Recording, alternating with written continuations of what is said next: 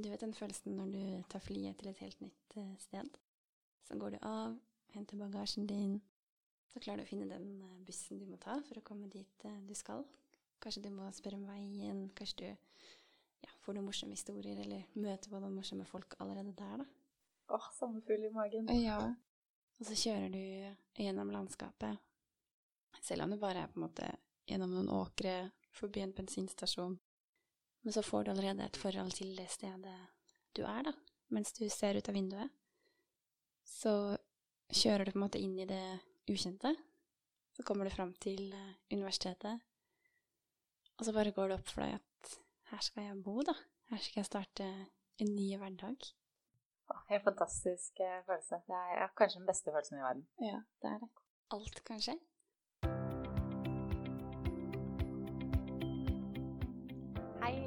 Velkommen til USN Global og episode to av podkasten vår. Hei, Mari. Hei, Jenny. I dag så skal vi snakke litt om hvordan få mest mulig ut av utvekslingsoppholdet. Og der har jo både Mari og jeg ganske god erfaring på dette. Ja, noen mer enn andre. ja.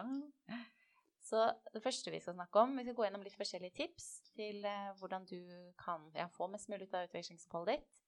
Eh, For det er en del forberedelser som kan være lurt å gjøre. En del ting som kan være kjekt å tenke over før man reiser ut. Så det første er at det er viktig å tenke over hva som er det viktige for deg. Er det det faglige, eller er det selve destinasjonen? Og uansett eh, hva som er viktig for deg, så er det viktig å starte tidlig med å gjøre seg kjent med landet og byen du skal bo i. Og så er det også fint å gjøre seg kjent med et eh, nytt land og nytt kultur ved å se filmer fra stedet. Eh, og så finnes det også et hav av reisepodkaster og reisekontoer på Instagram. Og kanskje universitetet du skal til har en egen Facebook-side eller Instagram-konto som du kan begynne å følge. Det er litt sånn tips til eh, før avreise. Å Mm. bli kjent med byen. Og de Facebook-sidene og Instagram-kontoene er jo også en fin mulighet til å ta kontakt med andre studenter der, da. At man kanskje kan få noen bekjente allerede før man har dratt dit. Mhm. Og så eh, hvordan få mest ut av det faglige. Da må du jo tenke litt over hva du syns er mest spennende i din utdanning. Kanskje du kan finne et universitet da, som er spesielt anerkjent for akkurat det. Akkurat den teorien, eller akkurat Ja, det kan være hva som helst. Eh, er det noen du ser opp til innenfor ditt fagfelt som kanskje jobber på et universitet som USN har en avtale med, så kan du søke deg dit. Først du kan få helten din som foreleser. Åh, det hadde jeg i India. Og det husker jeg jeg var skikkelig starstruck når professoren kom inn, og du har lest masse artikler av personen, og så plutselig så står vedkommende der foran. Det er eh, ja, skikkelig kult. Nerde-starstruck. Det er ikke Justin Bieber her, det er eh, indiske forelesere. Det du kan også um, tenke over da, for å få mest mulig ut av det faglige, det er å gå litt utover forelesninger og seminarer og det vanlige. Men du kan undersøke om det er eh, noen studentforeninger relatert til eh, faget ditt. Eller en annen aktivitet du er eh, interessert i. Noen politiske studentforeninger, kanskje. Da kan du melde deg inn der, og det å engasjere seg faglig gjør det lettere å komme i kontakt med andre i klassen din. Eller kanskje på andre trinn eller andre studieretninger. Og da vil du raskere også bli kjent med omgivelsene, og du får en mer autentisk studentopplevelse, da. Også sånn i forhold til det faglige, så kan det være litt lurt å sette seg inn i hvordan, hvordan vil professoren i utlandet bli tiltalt? Er det stor forskjell? I Norge så har vi jo ganske horisontalt, det er ikke så stor eh, forskjell. Mens i utlandet så kan det jo f.eks. være at du kan ikke bare gå bort til en professor og spørre om noen ting. At det er veldig stor forskjell på hvordan det gjøres fra land til land. Så sjekk litt opp det også. Og hvordan man skal tiltale professorer og mm. Mm. Godt tips. Det neste tipset, som kan være litt ubehagelig, men du må bare ta kontakt med de andre i klassen. Fordi, i hvert fall for min del, altså alle studerer jo forskjellig, men jeg får veldig mye ut av det å snakke om faget etter forelesninger.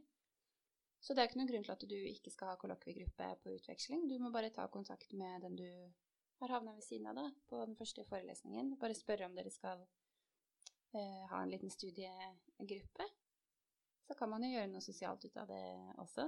Mm. Og det er jo det som ofte skjer, da. De første dagene er det jo veldig mange tilfeldigheter på hvem du på en måte ta kontakt med, hvem du kanskje ender opp med å bli veldig god venn med, hvem du kommer til å kjenne for resten av livet ditt. da. Kanskje det er den du sitter ved siden av i forelesningen der. Mm. Så du må bare tørre å spørre, og ikke tenke at jeg gjør det i morgen, eller jeg gjør det neste uke, fordi det blir bare vanskeligere. gjør det fra dag én.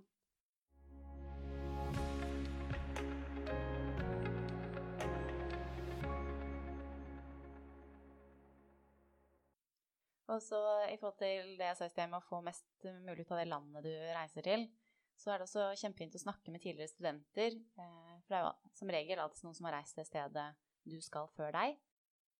Vi snakka med Marte, tidligere utvekslingsstudent eh, fra campus Kongsberg, som vi forresten har en eh, lengre samtale med sammen med Pernille i episoden som heter da 'Samtale med Marte og Pernille' om utveksling i England og USA. Og da vi spurte om hva de mente var viktig å tenke over i forkant med et utvekslingsopphold, så sier Marte dette. Å bruke tid på hvor man skal, og hva man vil eh, oppnå, holdt jeg på å si, eller hva man vil oppleve, egentlig, når man velger sted. For jeg tror det har mye å si for hvor godt man vil trives der også. Med tanke på ja, eh, kultur, språk, eh, type universitet, altså fasilitetene. Å bruke tid på å forberede seg på sånne ting da, før man faktisk søker til USN. Det er viktig. Du kan jo også sjekke ut USN Utveksling, Facebook-siden vår, for der er eh, mange tidligere studenter medlemmer. Så da kan du høre litt der om hvordan er det i Australia, hvilke tips har dere som har vært der til dit? Og så burde du også starte tidlig med å undersøke turer du kan melde deg på. Kanskje du kan spare opp litt ekstra penger og reise ned noen uker før semesteret starter, eller være igjen etter semesterslutt, for å kunne reise litt rundt i landet. Det anbefaler jeg veldig. Det gjorde jeg ja, både i Argentina og India og ble igjen etterpå. Og i Argentina så tok jeg en 28 timers busstur alene fra sør i Argentina og opp til Buenos Aires igjen. Og bare ja, reiste rundt og på isbreer og farta rundt alene.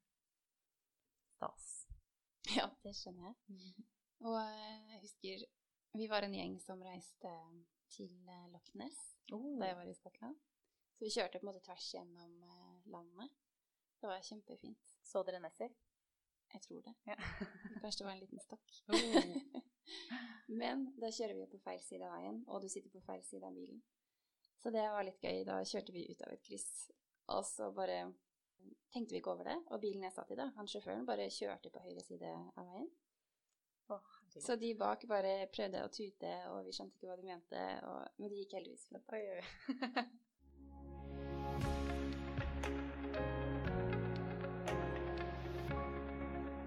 Et annet tips vi har, da, eh, det du kan tenke over før du reiser, eh, er om du vil dra et sted med mange andre nordmenn eller ikke. For det er jo nå du har muligheten til å bli kjent med mennesker fra hele verden når du er på utveksling. Og selv om det kan være trygt å søke seg til andre nordmenn, så eh, vil du få veldig mye igjen ved å oppsøke andre internasjonale studenter, eller ikke minst lokale studenter. Da. Ja, også i forhold til språk. Eh, Hvis du vet at du har lett for å oppsøke det kjente og dra til et sted der det er ja, Da burde du dra til et sted der det er mindre nordmenn, da. Og da får du også mye mer ut av oppholdet sånn språkmessig. Hvordan var det for deg i Aberdeen? Det var litt vanskelig. Jeg var ikke så veldig bevisst på det. Jeg var bare glad for å kunne reise litt. Så det var eh, Altså, de du tar kontakt med de første dagene, er jo på en måte det som blir satt, da. For resten av oppholdet. Ja, det synes jeg også er veldig interessant. For det er, eh, ja, det er som regel de første menneskene du møter, som Ja. blir din gjeng, da. Ja, det er akkurat det. Mm. Og da var det eh, flere nordmenn som var der, og noen svensker. Men eh, vi var jo med andre også, selvfølgelig. Men eh, jeg skulle ønske at jeg var mer bevisst på det, da. Men kultursjokk var kanskje ikke noe du opplevde mye av i Aberdeen? Nei, ikke så veldig mye. Men det trenger jo ikke være sånn store kultursjokk med helt forskjellig mat, eller Eller maten. Jo, det var jo litt Det var jo mye haggis i kantina. Ja. Jeg fikk ikke helt sansen for det. Men eh, ikke noe store kultursjokk. Men det er jo interessant, alle de små detaljene som er annerledes i et nytt land. Mm. Bare hvordan bussen ser ut, hvordan du betaler på bussen, hvordan det er å gå på kino. Bare Mm. sånne små detaljer. Mm. Ja, for kultursjokket kan jo komme, og det er ikke nødvendigvis uh, at man trenger å reise langt bort for å kjenne på dette. Uh, men det viktigste her er jo bare å stille med åpent sinn, og hvis du syns det blir litt for mye og vanskelig å henge med, så kan du jo prøve å tenke på hva du kan lære ut av det. Så det er jo kjempefint å ha høye forventninger, men prøv ikke å ha altfor spesifikke forventninger. Fordi hvordan skal du eh, kunne forutse hvordan det er et land du aldri har vært i, da? Så prøv heller å reise med et åpent sinn, og ikke bli overraska om eh, selv helt enkelte ting er annerledes, da. Det er en del av opplevelsen. Så det var også tips tre. Vær forberedt på kultursjokket.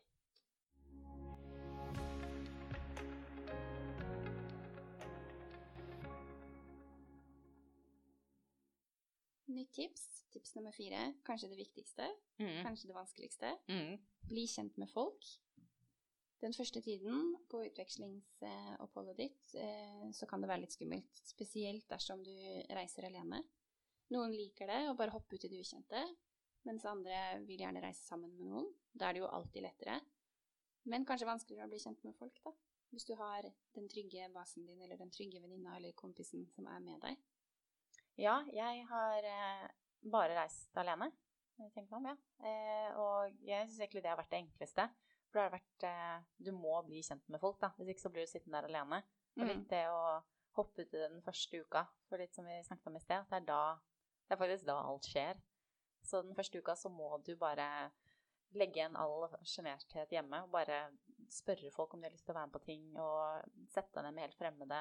Og tenke litt over at alle de andre som er der, er i akkurat samme situasjon som deg, og blir eh, superglad for at du setter deg ned og tør å prate med de, da. Mm, mm, ja, helt enig. Og det er jo Du kan kanskje være sliten, kanskje du har reist langt. I hvert fall når du dro helt til India, da. Men Mm. altså, det er ikke rom for å være sliten. Du må bare legge fra deg det på hybelen. Og så må du bare gå ut og, og ta kontakt med folk, da. Bare si ja. Er det noen som spør om du vil være med på en tur, og du er litt sliten, bare si ja. Er det, noen, er det en busstur til en eller annen foss, bare si ja. Mm. Og så pleier også mange av institusjonene å ha et sånt eget buddy-system eller sammenkomster for de internasjonale studentene. Og her er det jo kjempefint å dra. Eh, For da ja, er det ofte fint å spørre folk om man skal ta følge bort dit, og det syns i hvert fall jeg har fungert eh, veldig bra. Mm. Og hvis du driver med en idrett eller en hobby hjemme, så kan du også sjekke ut om institusjonen i utlandet har noe lignende. Så dette kan du begynne med allerede før du reiser. Så hvis du spiller fotball, så kan du sjekke ut om skolen har et eget lag, og hvis du driver med dans, kan du søke opp danseskoler. Hvis du er politisk aktiv eller samfunnsengasjert, så kan du sjekke om skolen har eh, ESN, European Student Network, eller Amnesty eller andre organisasjoner som du kan bli med i. Så kan du også sjekke om ANSA har et eget lokallag dit du skal. Ble du med på noe Ja. sånn? Ja. Kom på det nå mens vi snakka om det. Ja. Men jeg gikk faktisk på boksing. Oi! Det hadde du kanskje ikke trodd. Nei, kult! Så gøy. Ja, det var kjempegøy. Kjempegod trening. Ja. Skikkelig tøffe timer. Han var sånn gammel militærfyr, han Oi. som hadde de timene. Kult. Men veldig gøy, altså. Ja. I Stockholm så ble jeg med i Amnesty, den gruppa som de hadde der. Og det var kjempefint, for da var det en miks mellom eh, svensker, ikke så vanskelig å komme i kontakt med, kanskje, men eh, også alle de internasjonale. Så det ble Mm. sånn fint eh, forum for å treffe begge deler. Men det er også veldig fint sånn hvis man driver med en idrett, eller bare prøver noe helt nytt også, sånn Ja. som du gjorde.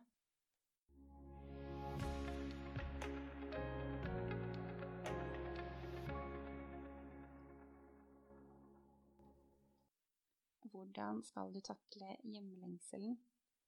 Du er ikke alene om å føle på hjemlengselen og ensomheten under utvekslingsoppholdet ditt. Det er helt naturlig, men det er også der du vokser. Og som vi snakka om i stad, det at du må gå litt ut av komfortsonen og ta kontakt med nye mennesker de første dagene. Det er kanskje der folk vokser mest da, når de reiser på utveksling. Det at de må på en måte prøve ut en litt ny versjon av seg selv og ta ansvar for egen lykke. Ja, ja, det er sant. Mm. Prøv å se det positive i det. Det er nå du vokser som menneske og blir mer selvstendig. Ta kontakt med internasjonalt kontor og forhør deg om eh, utvekslingsstedet har rådgivere du kan snakke med hvis det blir altfor ille. Du kan jo også ringe internasjonal koordinator på USN. Så er det, ja, det er litt viktig å tenke over at de aller fleste opplever et eller annet punkt med hjemlengsel. Og spesielt sånn etter den første fasen hvor alt er nytt og spennende. Da kan man også, Det er jo litt skummelt, men så finner man ofte en, sin gjeng. Og så har man det veldig bra, og man får opplevd masse nytt. Og så kommer det plutselig til et punkt hvor man blir nesten litt sånn mett på nye opplevelser og litt, egentlig litt klar for å bare reise hjem. Men akkurat da så er det så viktig å bare fortsette å holde seg aktiv og være med de menneskene du har blitt kjent med, og ta kontakt og fortelle litt om hvordan du har det.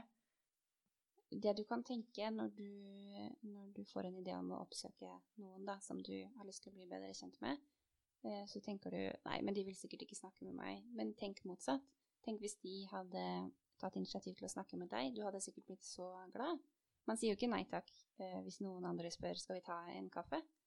Og i forhold til den hjemlengselen som du føler midt i, det er ingenting mot den lengselen du føler når du kommer hjem igjen og savner eh, stedet. Den er nesten enda verre. Det er sant. Så bare nyt det. Ja.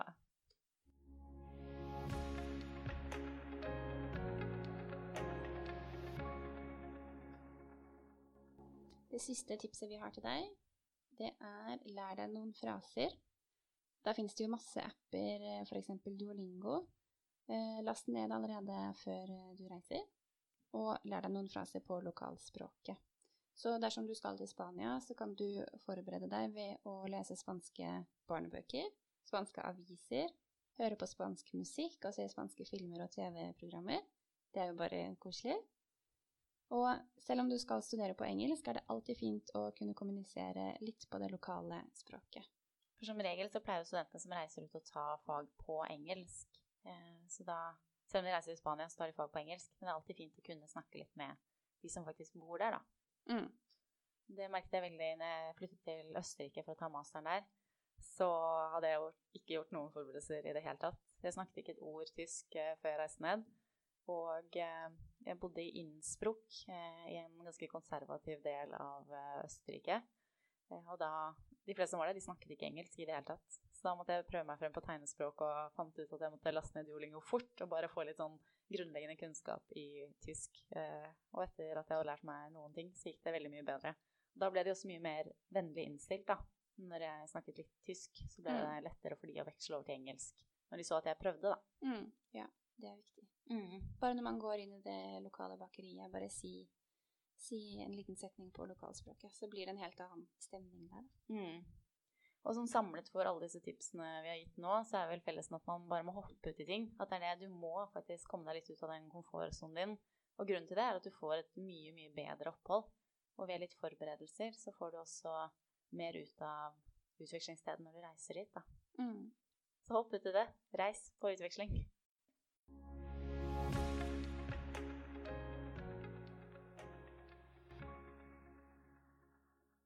Det var det vi hadde for nå.